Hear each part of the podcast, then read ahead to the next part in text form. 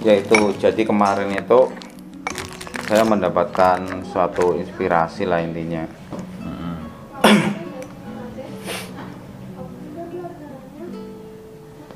suatu inspirasi dan suatu pertanda untuk memulai perubahan hidup. betul betul betul, betul. Ya memang kadang kalau kita sudah mendekat ke diri kita, akhirnya diri ini uh, menunjukkan dan menuntun kita untuk membaca satu pertanda-pertanda jalan mana sih yang harus kita lalui gitu, Hmm. supaya kita berada di track yang benar. oh iya iya, iya. Hmm, kalau orang itu tidak apa mengenali dirinya cuek kayak gitu ya walaupun jiwa ini berkata Hmm. kita tidak akan mampu Hmm. mengaktualisasikan apa yang kita pikirkan karena terlalu sibuk mungkin Hmm. Jadi, seperti itu apa itu termasuk sinyal alam apa bagaimana itu dalam dunia alkemis itu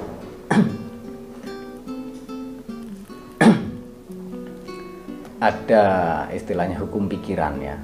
Dalam dunia alkemis itu kan misteri terakhirnya kan tentang hukum pikiran. Ah, yang kemarin saya ini di video itu bahwa pada akhirnya sang alkemis akan uh, membuka satu tabir rahasia yang disebut uh, hukum pikiran.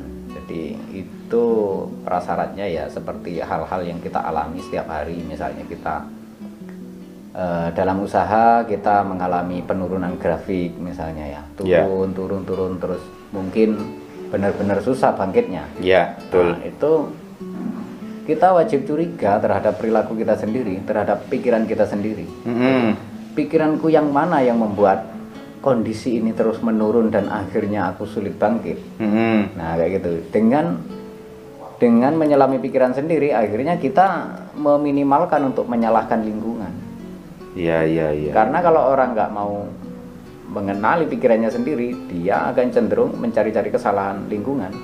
Wah ini ini pasti karena karyawan yang suka korupsi, karyawan yang males. Wah ini pasti karena situasi corona. Nah itu Hmm. akan terus menyalahkan hal-hal di luar diri kita. iya iya iya Tapi kalau kita balik bertanya ke diri kita, ini pikiranku yang mana ya yang membuat kondisi ini kok jadi kendor-kendor-kendor kayak gini? Mm-mm. Nah, maka pikiran itu dan hati nurani itu, apa pun pertanyaan kita, dia selalu menjawab kok sebenarnya. Mm-mm. Kita aja kadang yang tidak mau mengakuinya. Mm-mm. Butuh benar-benar disadarkan kayak gitu. Kayak kondisi itu baru kita menyadari, oh iya ini. Gitu.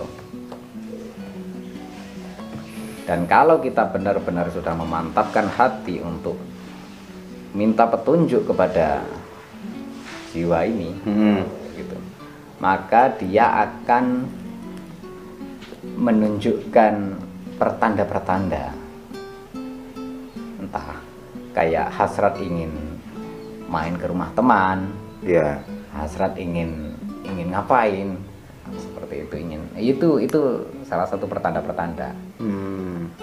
terus yang tadi disampaikan oleh Mas Bowo ketika bahagia ketika seneng merasa jenius betul Ya. betul sekali itu Ah. memang seperti itu ketika kita senang apalagi kayak anak kecil lah ya anak Ya. kecil kan senang ya makanya anak kecil kalau belajar apa-apa sepeda misalnya itu cepat bisa Mm-mm. bayangkan orang yang nggak pernah bisa naik sepeda terus gede-gede disuruh belajar sepeda yo angel angel kaku iya Hmm. kaku tapi karena anak kecil itu dengan senang dengan riang gembira dia Hmm. belajar akhirnya dia bisa eh, mengendarai sepeda. Hmm. itu intinya kan titik keseimbangan itu. Iya. Titik keseimbangan. Itu sulit itu dijelasin dalam ilmu matematika sekalipun. Naik sepeda ontel itu susah loh itu jelasinnya itu secara teori itu. Mm-mm. hari ini. Dana bantu dulu buat polsek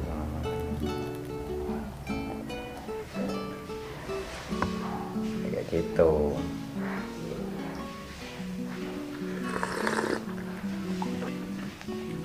nah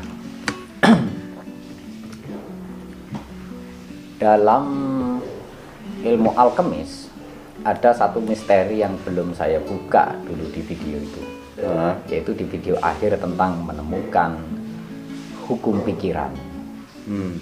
ya namanya Mas Bowo tadi cerita bahwa Mas Bowo memposisikan diri sebagai orang yang mikir seperti Ya, itu ya ya. sementara mereka yang menjalankan Betul. nah ya kan Ya, ya. berarti kan Mas Bowo sudah memposisikan diri sebagai alkemis ini Eh, karena mikir itu membutuhkan keahlian meramu berbagai teori, berbagai cara. Iya. Bagaimana cara membuat perusahaan ini eh, bangkit dan jaya kembali. Iya. Nah, itu kan eh, Mas Bowo akan meramu, wah ini gimana kalau strateginya aku bikin kayak gini, aku bikin kayak gini. Iya. Nah, itu pikiran Mas Bowo sedang meramu. hmm. Berarti Mas Bowo sedang memposisikan diri sebagai seorang alkemis. Hmm, hmm. Ya, ya, ya. Nah, ini alkemis ya.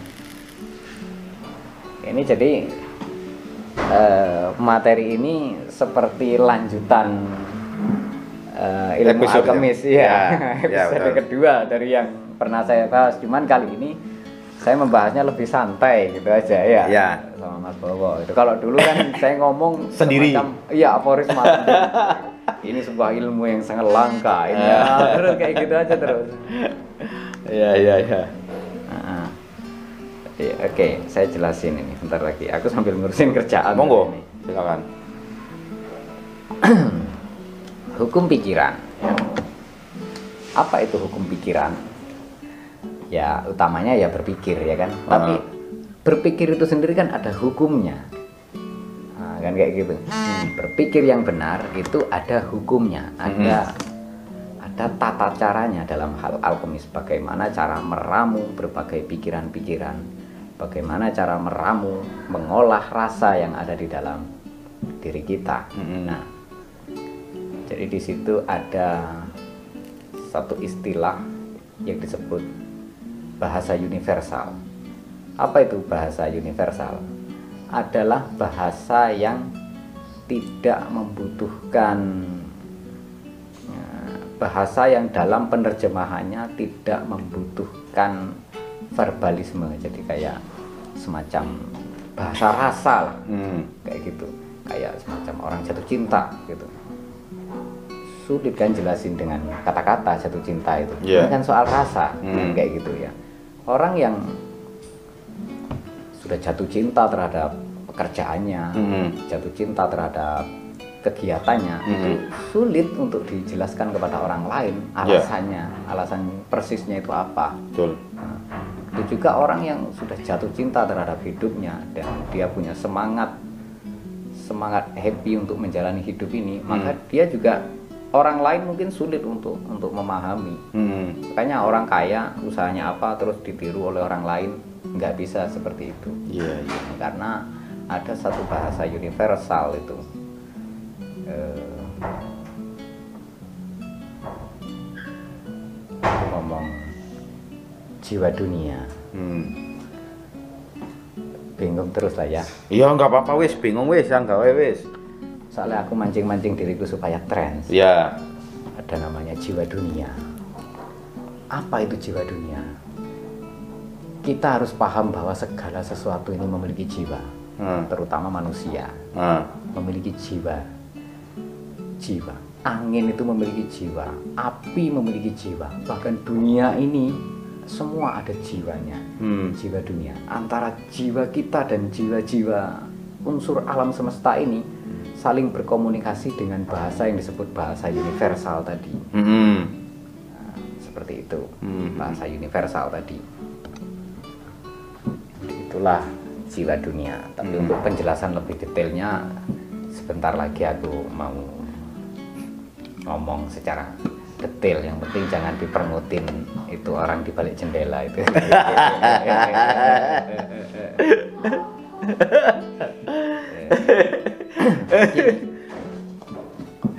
Bagaimana cara kita mengetahui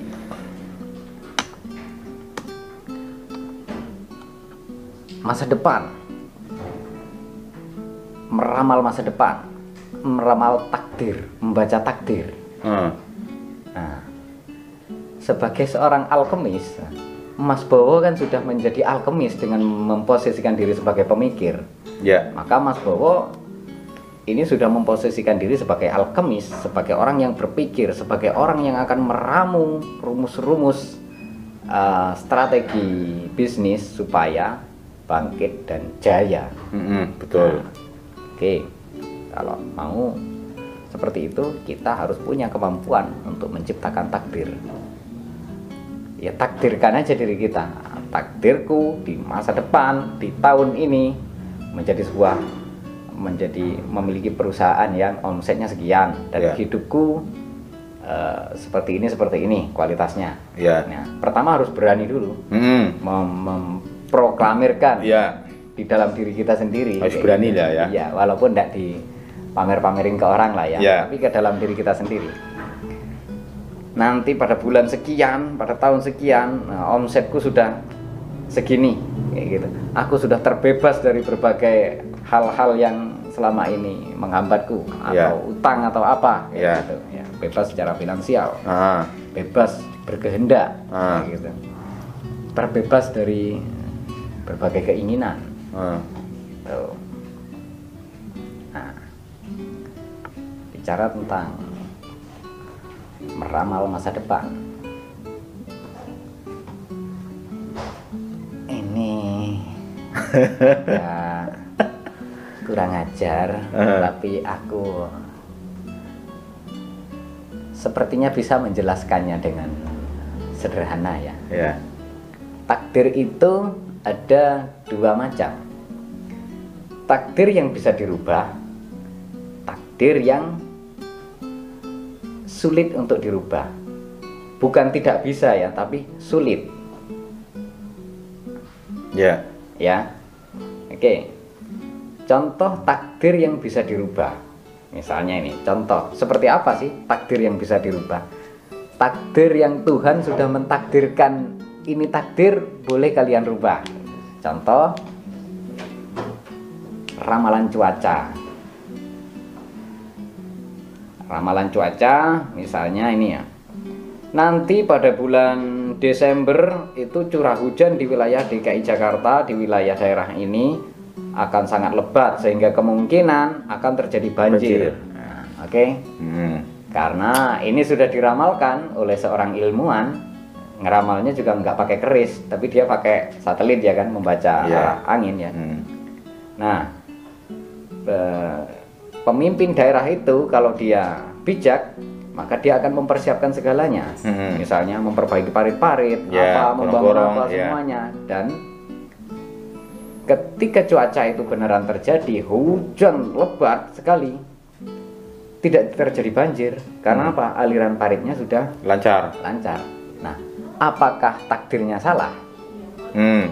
Kan tidak. Tidak.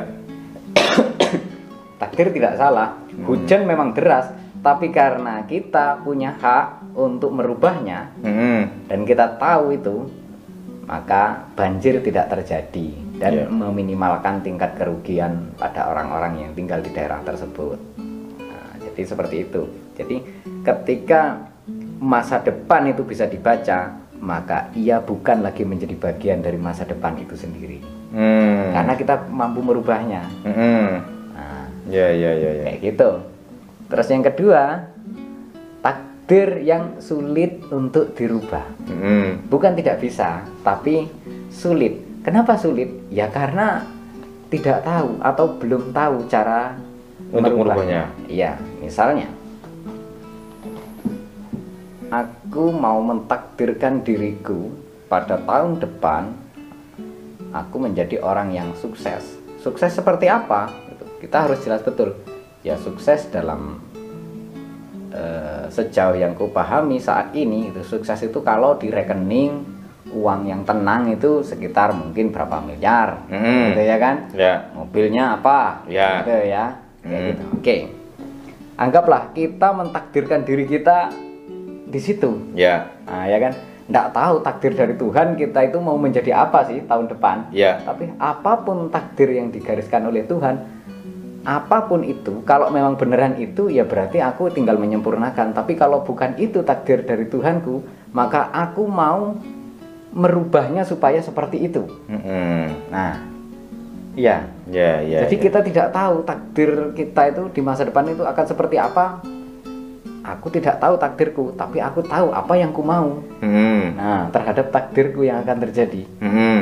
Oke? Oke. Nah, maka yang perlu kita lakukan, kita harus tahu dulu satu hal yang harus kita pahami. Bahwa kita tidak hidup di masa lalu, tapi kita juga belum hidup di masa depan. Mm. Kita hidup di saat ini, Mm-mm. saat sekarang ini kita Hmm. hidup. Jadi kalau kita mau mem- memperbaiki takdir kita di masa lalu, kita tinggal memperbaiki perilaku kita, pemikiran kita yang ada di saat ini. Ya. Setiap momen yang kita lalui ini terus kita berupaya untuk memperbaiki dan semakin baik dan semakin baik. Karena eh, kumpulan spiral apa konsistensi dari kebaikan-kebaikan yang kita lakukan Mm-mm. kejeniusan pemikiran yang kita lakukan setiap momen ini ini pada akhirnya nanti akan Berbuah. menciptakan itu tadi Ya. sampai di sini kita paham ya Paham. nah Paham. bagaimana cara kita menyadari bahwa kita benar-benar hidup di saat ini nah, kan saat ini adalah jembatan dari saat lalu dan saat nanti Ya. sekarang adalah jembatan penghubung antara masa lalu dan masa depan Ya. Jadi kalau kita mau merubah penyesalan kita terhadap kebodohan-kebodohan masa lalu, Selalu ya. ya perbaiki saja kondisi perasaan kita saat ini. Mm-mm. Nah, kalau kita berharap kebaikan-kebaikan di masa depan pun juga sama, perbaiki aja kondisi perasaan kita dalam menjalani hidup di saat ini. Mm-mm. Kayak gitu. Karena baik masa lalu maupun masa depan, jembatan penghubungnya ada di batin kita yang kita rasakan saat ini di setiap momen yang kita jalani. Jadi cara melatihnya, cara melatihnya,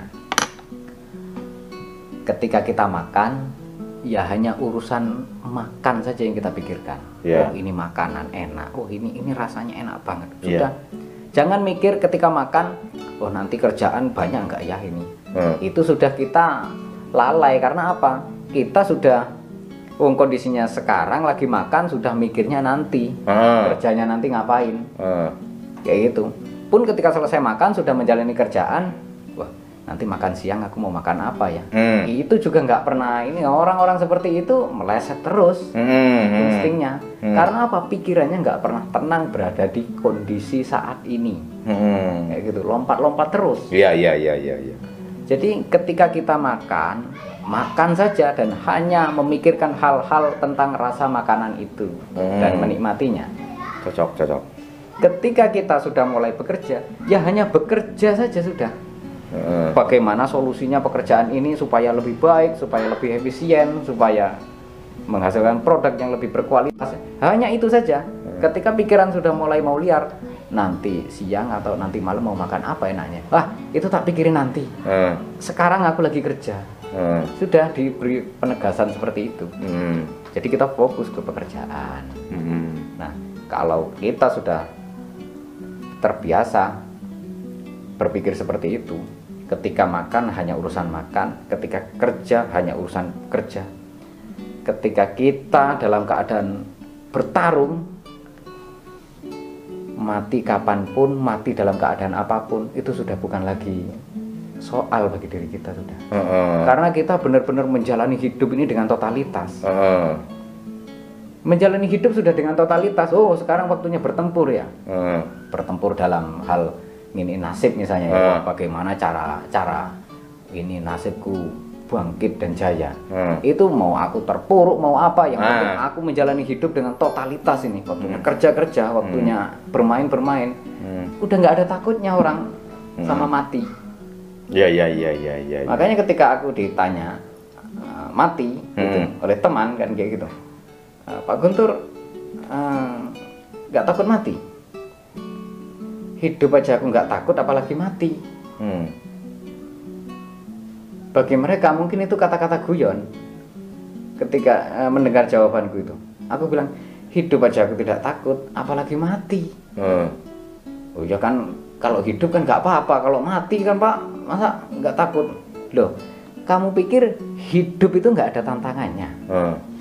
kamu pikir hidup itu nggak ada suka dukanya Hmm. bagi orang yang sudah berkeluarga hidup itu bukan cuma mikirin hidupnya loh Hmm. tapi juga mikirin kehidupan keluarganya Hmm. kamu pikir itu nggak berat apa kalau Hmm. lagi terpuruk itu aja aku tidak takut menjalaninya Hmm. apalagi mati Hmm. Wong mati itu yang sakit hanya yang masih hidup kok hanya Hmm. keluarganya yang masih hidup yang sedih yang mati kan udah mana urus sampai sekarang nggak ada tuh orang mati yang bangun mengeluh ya kan Tolong tapi kalau orang lah. hidup mengeluh banyak Ya. kan kayak gitu Iya. ya kan orang mati mengeluh nggak ada kayak gitu nggak enak ternyata di akhirat kayak gitu ya kan Bensin lagi ya. Iya, kalian sini lagi lah kayak gitu. nggak ada kayak gitu jadi walaupun itu kedengarannya kayak guyon kalau Hmm. dia mau sedikit berpikir Iya. dalam itu Hmm. ketika aku bilang hidup aja aku tidak takut apalagi mati Hmm. kayak gitu dia ketawa gitu Hmm. tapi kalau dia mau merenung sedikit kayak Hmm. gitu jeglek dia langsung logikanya kayak Hmm. gitu tuh jadi sudah ada ya bekal-bekal yang strategi atau minimal passion gelora jiwa Oh sudah, mas bawa ya sudah, sudah ada. seperti itulah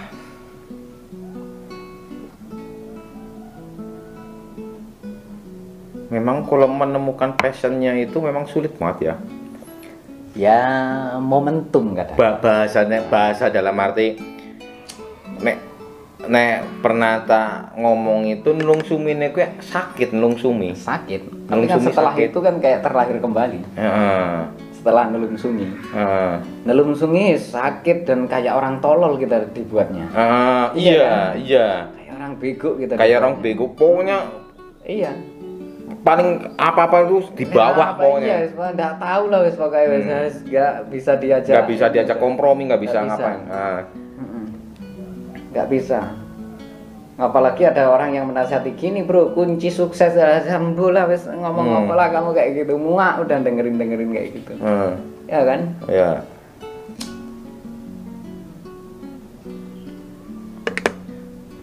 jadi ya itu temukan itu. Jiwa dunia. Hmm.